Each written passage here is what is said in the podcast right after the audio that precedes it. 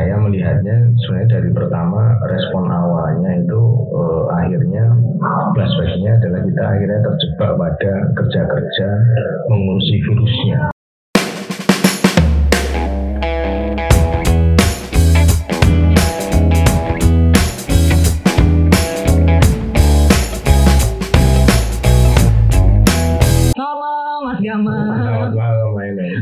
Ketawa Mas tapi iya daripada detek terus ya. Mohon maaf. Eh halo Mas Gama, selamat malam. Makasih udah datang, udah mau sharing sama teman-teman di sini, teman-teman bawa buku. Eh, ini kita mau ngobrolin seputar Hari AIDS Internasional, Mas. Nah, eh, aku kenalin Mas Gama dulu kali ya. Boleh. Ih, eh, Mas Gama Triono aktif di PKBI dari 2005 ya Mas? Sampai 2000 sampai, sekarang, iya bener.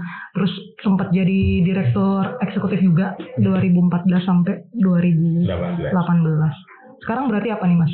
Pengurus. pengurus ya. Selain aktivitas di PKBI Mas ada aktivitas Eh, lain? Saya sobo kali. Bali. Sobo kali itu ngurusin sungai di komunitas pecinta sungai Mruwe. Bajunya ya Mas Iya. Hanya sahabat sungai iya Sahabat sungai. komunitas dari tahun berapa Mas Eh, sebenarnya kegiatan kita udah cukup lama sih Hmm. 2016 cuman eh, terbentuk komunitasnya officially baru 10 November kemarin oke dari pahlawan. tapi aktivismenya udah jauh Udah, sebelum itu ya jauh. Di mana lagi Mas selain di komunitas Sama di rumah dokumenter eh, film berarti iya di Mhm. di eh, film dokumenter dengan Mas Tony rumah dokumenter di Klaten sama di eh, respon bencana deh sama Association of Resilience Movement dengan Hmm. ARM. ARM. Gitu sih. cukup sibuk juga ya Mas ya makasih banget berarti udah nyempetin Oh iyalah. ini ini sih Mas kita kita kan kemarin itu ini kami kepikiran karena satu Desem- Desember kan kita peringati sebagai Hari AIDS Internasional. Sebenarnya sih datangnya sih dari pertanyaan-pertanyaan kita kita juga di bawah buku.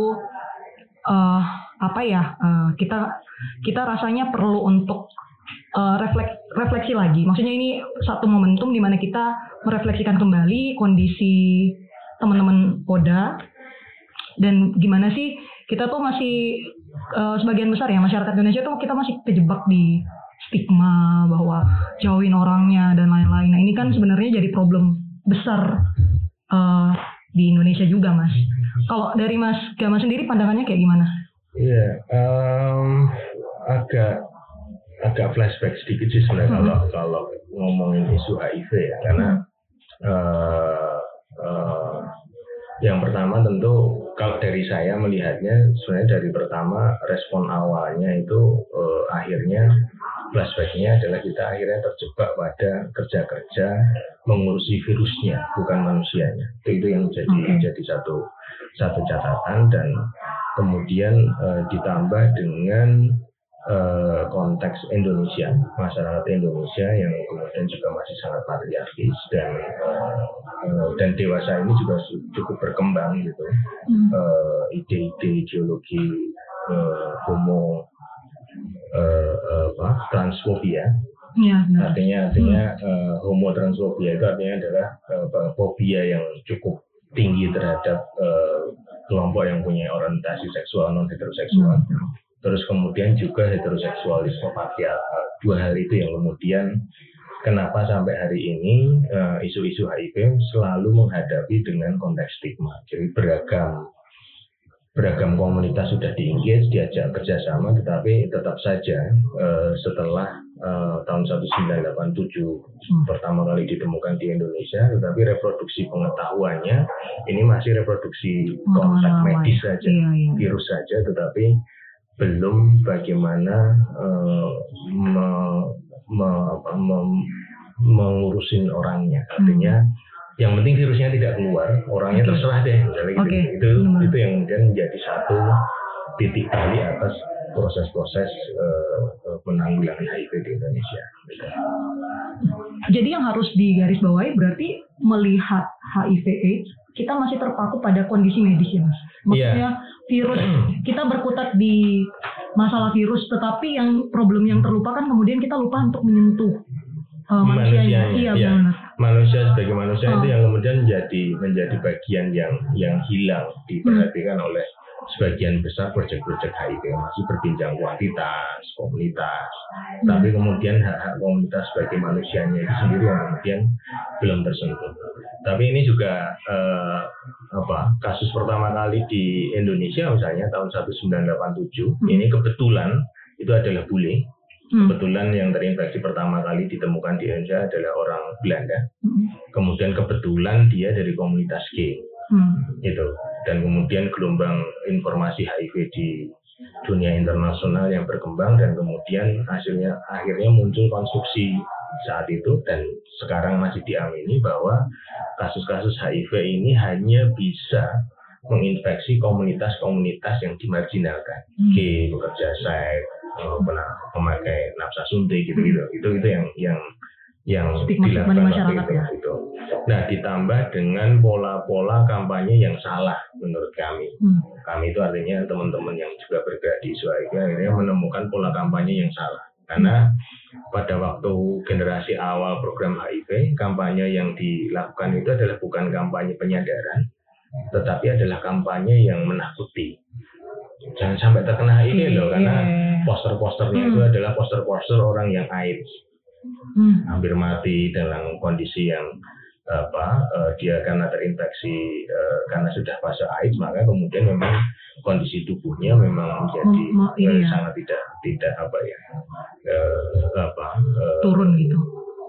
Iya, artinya banyak infeksi yang yang menyertai ada kanker kulit, kemudian ada ada eh, sarkoma kaposi Hmm. atau kemudian eh, apa eh, kanker mulut gitu sehingga memang kondisi tubuhnya eh, sangat jauh dari kondisi sehat. Iya. Itu yang kemudian sering kali digunakan sebagai media untuk mempropaganda atau mereproduksi pengetahuan tentang HIV. Jadi orang men- waktu itu karena kita sedang me- melalui atau sudah melewati ini ya eh, apa eh, lepra ya artinya orang kemudian menyandingkan HIV itu Sama dengan lepra Iya iya iya. itu yang kemudian secara spontan orang-orang atau masyarakat yang mengetahui dia HIV itu pasti karantina deh atau Iya. di eh, bukan karantina ya lebih diasingkan Hmm. gitu gitu artinya itu jadi di awal-awal program itu banyak kasus di mana teman-teman yang terinfeksi itu kemudian dia diasingkan Hmm.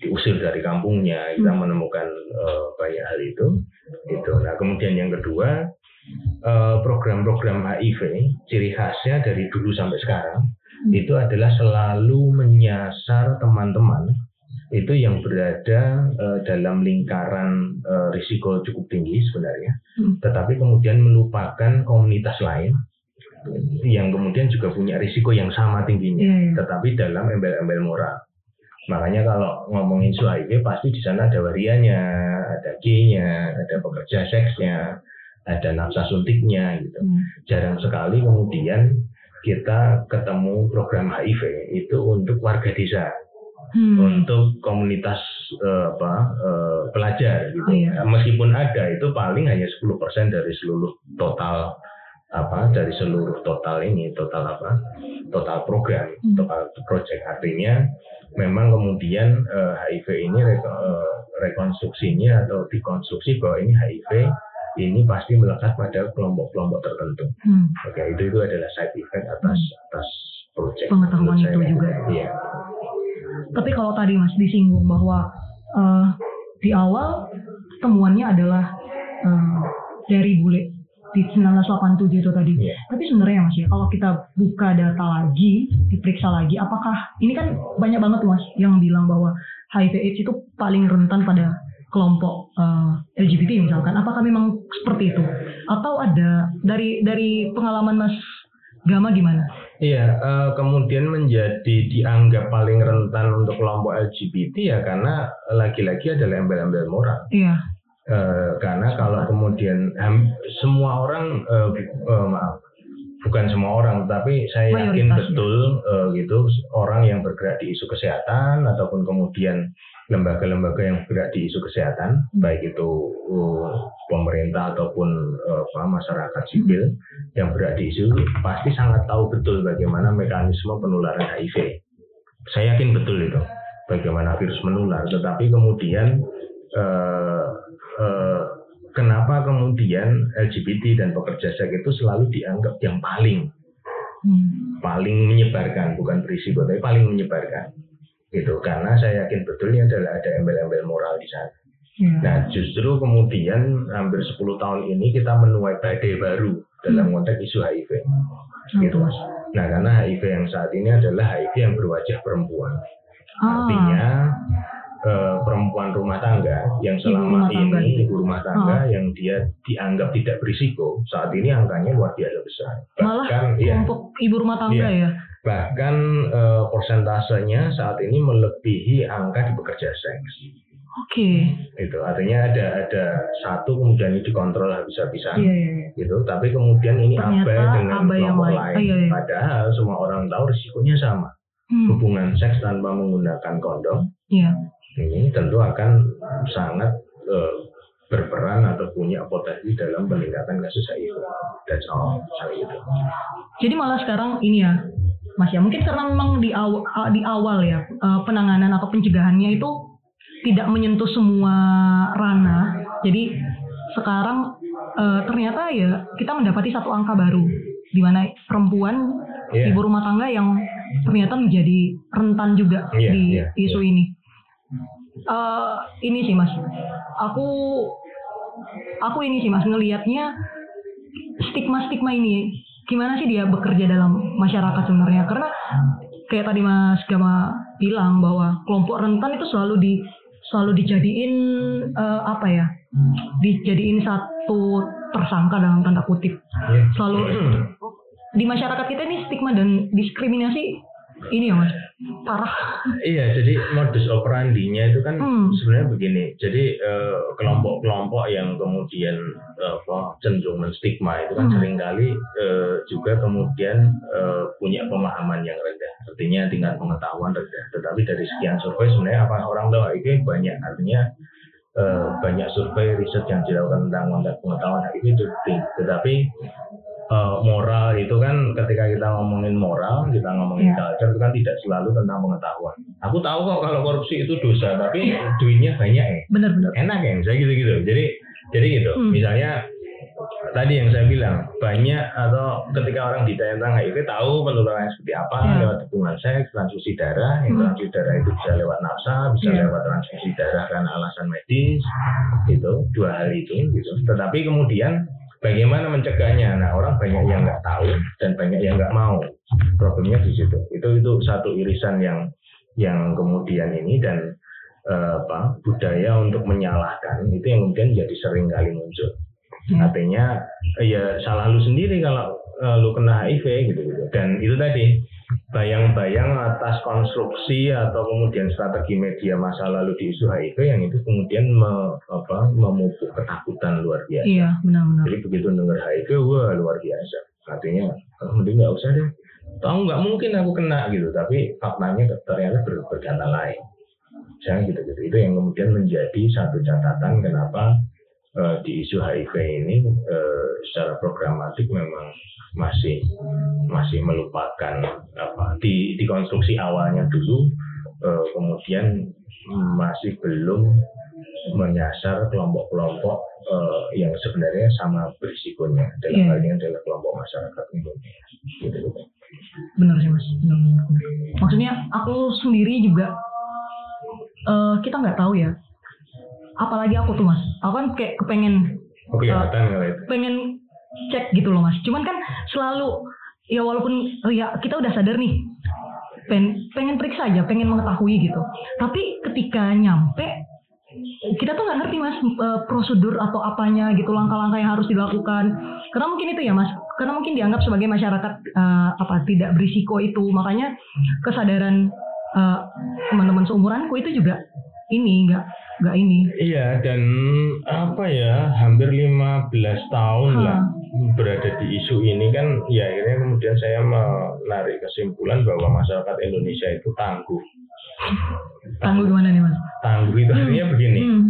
Kalau orang bilang sakit, orang Ah. Indonesia itu artinya beneran nggak bisa ngapa-ngapain itu baru sakit. Oke. Baru deprok gitu, Iya, iya. di Nggak bisa bangun, bisa itu aku sakit deh. Iya iya. Tapi begitu dia flu, begitu nggak enak badan, itu masih bisa ke mana-mana, masih Hmm. bisa masih bisa apa beraktivitas yang lain, Hmm. bisa mancing, sepedaan, dugem, nonton segala macam. Artinya gitu. Tapi begitu dia tidak bisa ngapa-ngapain, itu artinya sakit. Hmm. Nah, termasuk di isu HIV itu banyak kasus di mana yang kami menemukan di ter- tentunya di apa kelompok-kelompok yang selama ini tidak dianggap eh, rentan terhadap HIV, Hmm. kelompok rumah tangga, kemudian apa, anak-anak muda, Anak-anak muda. adalah hmm, apa tersadarkan Iya. gitu ataupun kemudian mau mengakses karena memang sudah mengalami gejala yang luar biasa.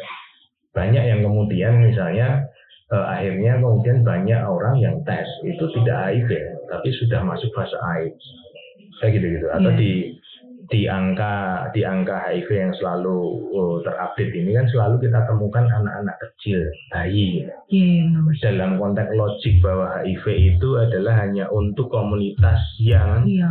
risiko atau kemudian yang amora gitu Iya. dalam tanda kutip karena dianggap dia eh, apa eh, dianggap dia mengalami eh, atau terinfeksi HIV karena salah itu bayi bayi ini Terinfeksi juga. terinfeksi ternyata. juga Iya. artinya kan logik itu gugur Nah, tetapi itu kan selalu terkonstruksi gitu nah sehingga ada kelompok yang kemudian ini dikonstruksi sangat ketat Hmm. eh, artinya dianggap eh, apa ketat sehingga ada persekusi persekusi di sana dan tidak hanya sampai persekusi tapi sampai kemudian kekerasan yang dianggap halal Hmm. baik oleh kelompok agama ataupun oleh negara diperbolehkan gitu itu eh, tetapi juga kemudian ada orang yang punya risiko yang sama dalam hal ini ibu rumah tangga tetapi kemudian juga tidak terlindungi Iya. Nah, jadi ada dua hal itu yang makanya se- sekarang kita sedang menuai itu bahwa angka di perempuan rumah tangga saat ini cukup tinggi. Mati. Karena eh, di isu pekerja seks misalnya Hmm. itu bisa kok dalam eh, setahun itu oh, atau dalam bertahun-tahun itu dilakukan terus pemeriksa apa program pemeriksaan program pemeriksaan untuk orang yang sama tetapi untuk yang perempuan rumah tangga menjadi tidak diinikan artinya situ Di lalai ya mas ya. lalai artinya iya. memang kemudian tidak menjadi sasaran Hmm. gitu gitu. Dan kemudian selalu mencari alasan ya ini pasti suaminya yang nggak beres atau, Iya, atau benar, gitu gitu. Itu yang menjadi satu catatan. Kalau ngelihatnya sih mas emang ada eh, kelompok-kelompok rentan ya kita bilang seperti itu teman-teman LGBT dan lain-lain. Selalu jadi selalu dikambing hitamkan lah dalam wacana ini. Ya kira-kira seperti itu. Ini mas sih sebenarnya aku ada cerita juga.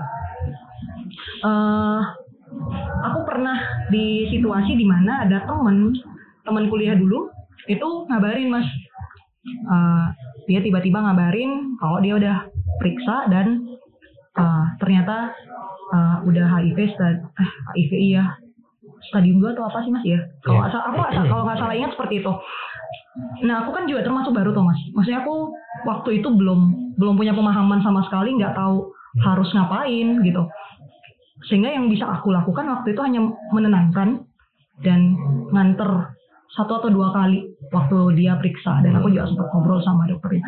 Aku bener-bener nggak tahu dan mungkin banyak ya mas. Kita pengen jadi support sistemnya teman-teman, tapi kemudian kita nggak nggak paham gitu mas apa yang harus kita lakukan. Menurut Mas Gama ada untuk ini ya untuk mendampingi teman-teman yang teman-teman Oda apa Hmm. apa yang harus kita lakukan mas?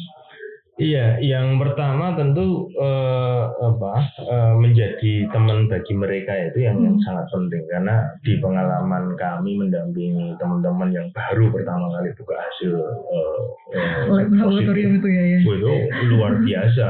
Eh, reaksinya ada yang kemudian selalu bilang pengen bunuh diri ada yang kemudian pengen pergi dan segala macam. Itu banyak.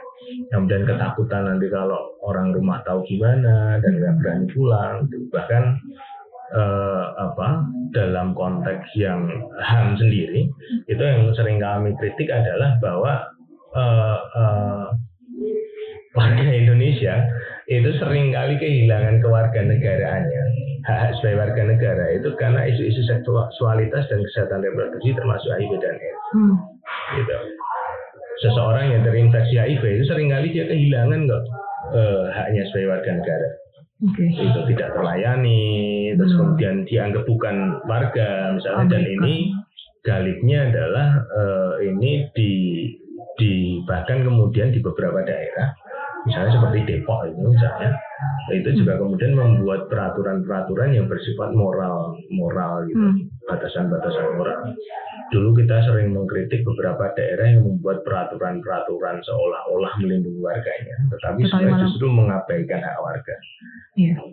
orang yang meninggal karena HIV di Depok itu waktu itu adalah dia tidak akan mendapat dana santunan karena di beberapa pemerintah daerah, beberapa kabupaten kota itu kan kalau yang meninggal dapat santunan 500 ribu nih. Iya. Tapi kalau itu enggak, karena dianggap sebagai penyakit yang disengaja.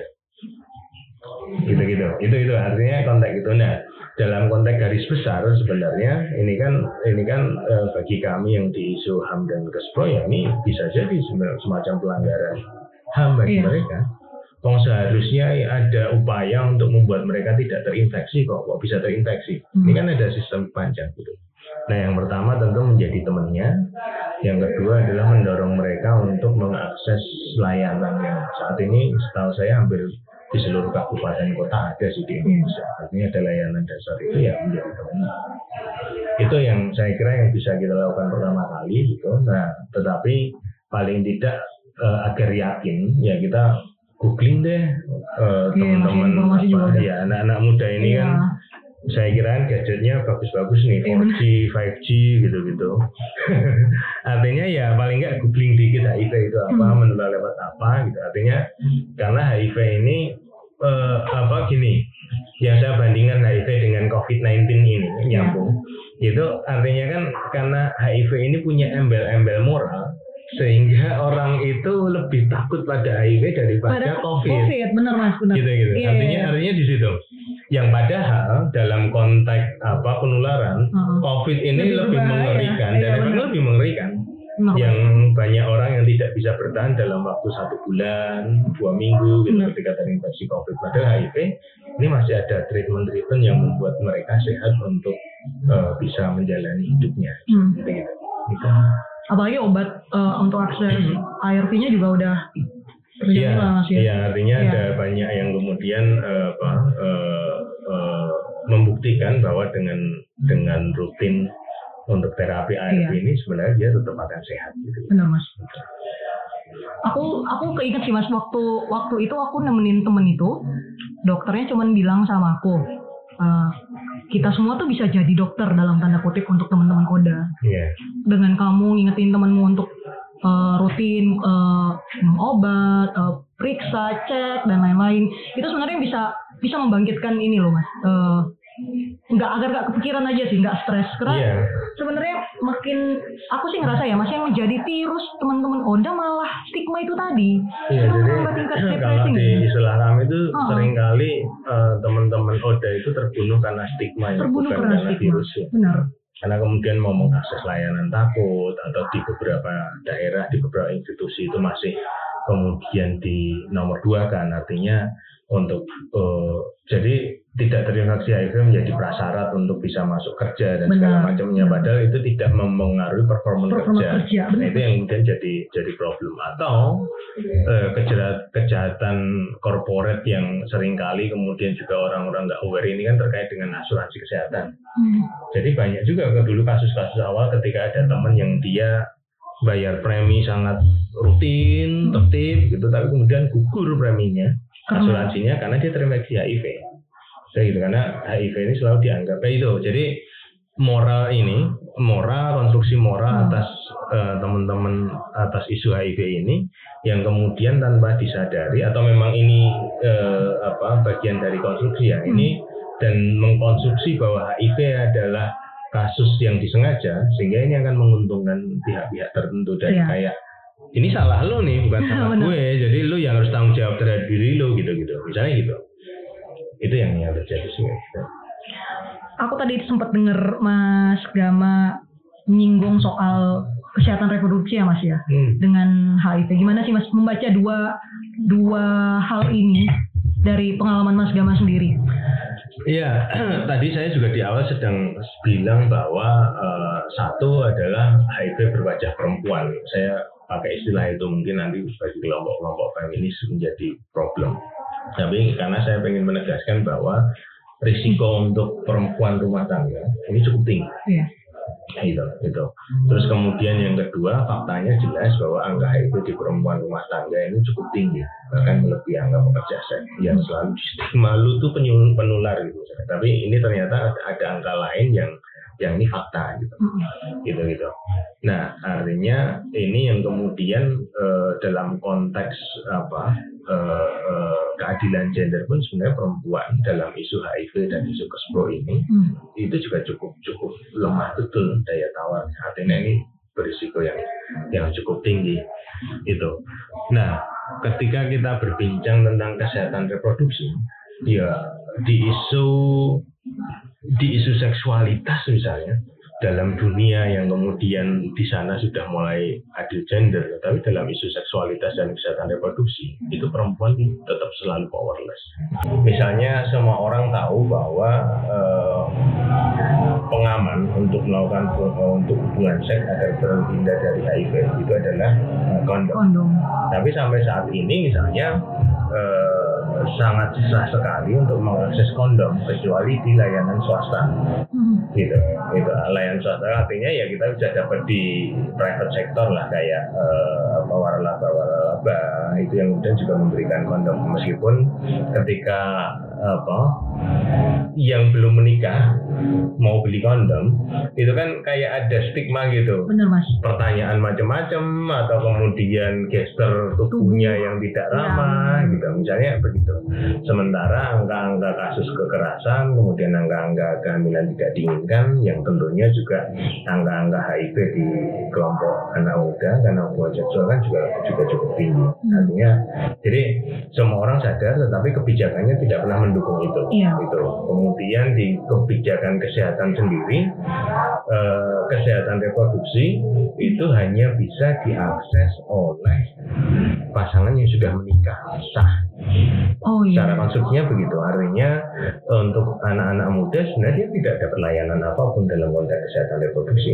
Iya. itu yang kemudian jadi salah satu problem betul di mana kemudian heteroseksualis apa heteronormatif patriarkal ini kan kemudian eh, merasuk mulai dari konteks eh, bagaimana ini mempengaruhi budaya masyarakat sampai juga pada pengambil kebijakan di situ. Itu yang kemudian menjadi menjadi problem. Jadi eh, misalnya kami yang di isu HIV pun juga sedang menghadapi itu Hmm. menghadapi bagaimana kemudian kita pengen eh, teman-teman yang sudah seksual aktif Hmm. seksual aktif kan banyak tuh teman-teman di situ artinya ada remaja ada muda ada kemudian eh, perempuan dan atau pasangan rumah tangga yang menikah ataupun kemudian LGBT atau waria atau pekerja seks itu ya boleh dibolehkan dong mengakses kondom dengan nyaman dan tenang gitu sehingga risiko-risiko lanjutnya Iya. bisa terhindari. Nah ini kan sudah itu tidak boleh, tetapi Dan ada eh, penyuluhan. iya ada dan ada info yang jelas yang Hmm. bisa dipertanggungjawabkan gitu. Tetapi kemudian juga apa ini eh, selalu berharap angka ini selalu turun. Ini kan sangat kontraproduktif, tidak melakukan apa-apa bahkan melarang. Tapi ini angkanya juga pengen turun. Nah ini kan jelas Tidak jelas sinkron ya jelas nggak sinkron. Nah, pendekatan moral dalam konteks isu HIV saya kira sudah tidak bisa lagi dilakukan karena faktanya berkata lain. Eh, artinya pendekatan moral menakut-nakuti itu kan sesuatu yang sebenarnya sangat-sangat eh, tidak bisa dilihat. ya. Artinya ada konstruksi di masyarakat juga. Eh, saya mengalami itu di apa di kampung saya, gitu. misalnya ya pengetahuan tentang HIV selalu hal-hal yang sangat menakutkan. Pasti LGBT, pasti pekerja seks, pasti orang nggak benar gitu-gitu. Eh, yang kemudian itu terpaksa sejak awal. Padahal ketika dilacak lebih lanjut, pernah nggak sih atau pernah ketemu nggak dia? Enggak. Pernah ketemu mungkin nggak? Enggak. Gitu. Tetapi iya langsung, langsung menghakimi, langsung kemudian menganggap karena itu tadi eh, eh, apa, konstruksi kampanye kampanye sejak awal, kampanye sejak awal itu dilakukan dengan konteks yang menakuti tanpa fakta lalu kemudian menakuti atau fakta yang kemudian direproduksi untuk menakuti orang. Gitu gitu itu yang kemudian jadi satu satu hal yang problem sampai hari ini kenapa kemudian isu HIV itu selalu lekat dengan stigma pada kelompok-kelompok uh, tertentu gitu. aku aku juga ingat tuh mas. Eh, waktu kali pertama temenku ini ya dapat surat dari rumah sakit. Dia tuh nangis dan hanya bilang "Ah, aku mau mati gitu. Karena ini ya mas maksudnya karena mungkin kita ngelihat dulu itu sempit banget. Dan itu sampai sekarang langsung kita mau kita mikirin yang terjelek. Padahal aku juga ngerasa udah eh, obat juga udah bisa akses dan lain-lain. Sisa memang gimana lingkungan sekitar sih mas? Kalau aku nekaninnya mungkin di gimana kita bisa menjadi support system untuk teman-teman ODA Iya, juga iya artinya kan Hmm. eh, iya teman itu kan bukan hanya di waktu senang ya. Nah justru justru di waktu itu sebenarnya kita akan bisa menguji teman atau kita kan bisa menjadi teman yang sebenarnya Hmm. menghadapi sesuatu yang nyata dan itu membuat dia takut ya kita harus hadir di sana. Hmm. Eh, karena di pengalaman kami juga kami beberapa kali ketemu dengan teman-teman Oda itu yang ditolak oleh keluarganya, kemudian ditolak oleh temennya, gitu. itu itu yang mungkin terjadi. Nah bahkan gitu. Kami pernah me- menangani kasus ya dia ya cukup miris juga. Artinya ada Oda yang meninggal gitu. Itu itu tidak ada yang mau menerima gitu. Wah, akhirnya karena eh, dia harus keluar dari rumah sakit karena kemudian juga misalnya akan dipakai orang gitu. Ya akhirnya karena kita belum punya tempat ya akhirnya kita tempatkan di PKBI itu iya karena kita akhirnya harus menunggu ini dimakamkan di mana ya siapa yang bertanggung jawab ya. Karena begini eh, di Indonesia sendiri gitu ketika orang meninggal itu pasti dia akan pulang rumah.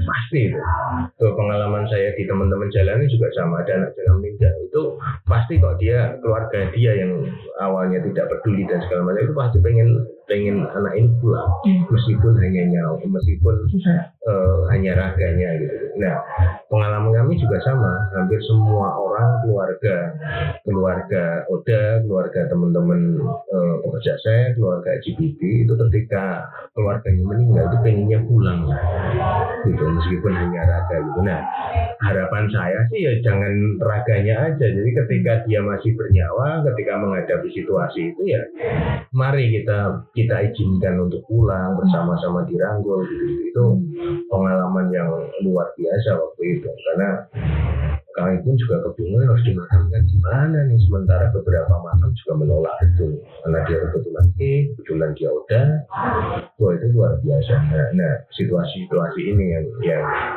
apa saya kira penting untuk kita semua melihat bahwa itu tadi ketika kita memandang Oda dengan cara yang salah kemudian selalu menstigma komunitas ya kita akan menghadapi eh, di mana eh, saat itu kita menghadapi di mana warga negara itu kecabut ke warga negaranya karena terinfeksi HIV.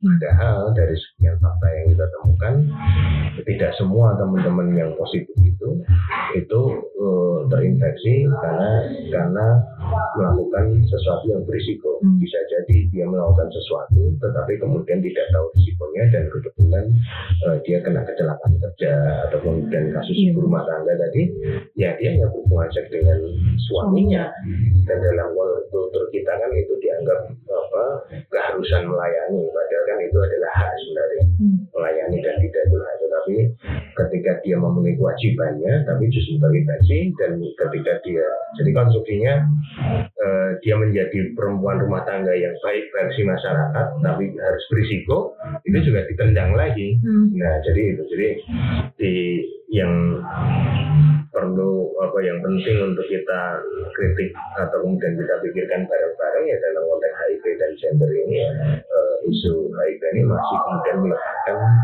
eh, perempuan dan beberapa komunitas yang dimarginalkan pada situasi posisi yang apa eh, relasi kuasa yang rendah. Hmm. Menarik banget ya uh, ngobrol-ngobrol sama Mas Gama.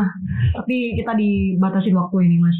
Gitu. Jadi mungkin sebagai penutup atau ada nggak sih sebenarnya Mas Gama yang pengen disampaikan yang luput mungkin dari obrolan kita hari ini atau Iya, buat apa artinya buat teman-teman Hmm. eh, kita tidak bisa sih melihat siapa yang infeksi HIV atau tidak, tetapi saya kira teman-teman apa, eh, yang melihat siaran ini, saya yakin betul punya gadget ya, digunakan dengan bijaksana dan googling dikit lah tiga menit itu HIV itu apa dan seperti apa itu yang pertama. Kemudian yang kedua ya eh, Oda meninggal bukan karena virusnya, tetapi karena memang stigma. Artinya dia karena dengan stigma itu dia akan kehilangan banyak ruang untuk terpenuhi hak-haknya. Terima kasih. terima kasih untuk eh, kehadirannya Mas Gama terima kasih sudah berbagi pengalaman, berbagi cerita, berbagi pengetahuan dengan teman-teman di bawah buku. Mungkin aku nggak tahu harus nutup kayak gimana, tapi aku selalu membekas satu waktu pertama ketemu dengan dokter temanku yang dia hanya berpesan singkat, kita semua bisa jadi dokter untuk teman-teman Oda. Mungkin sekian, terima kasih.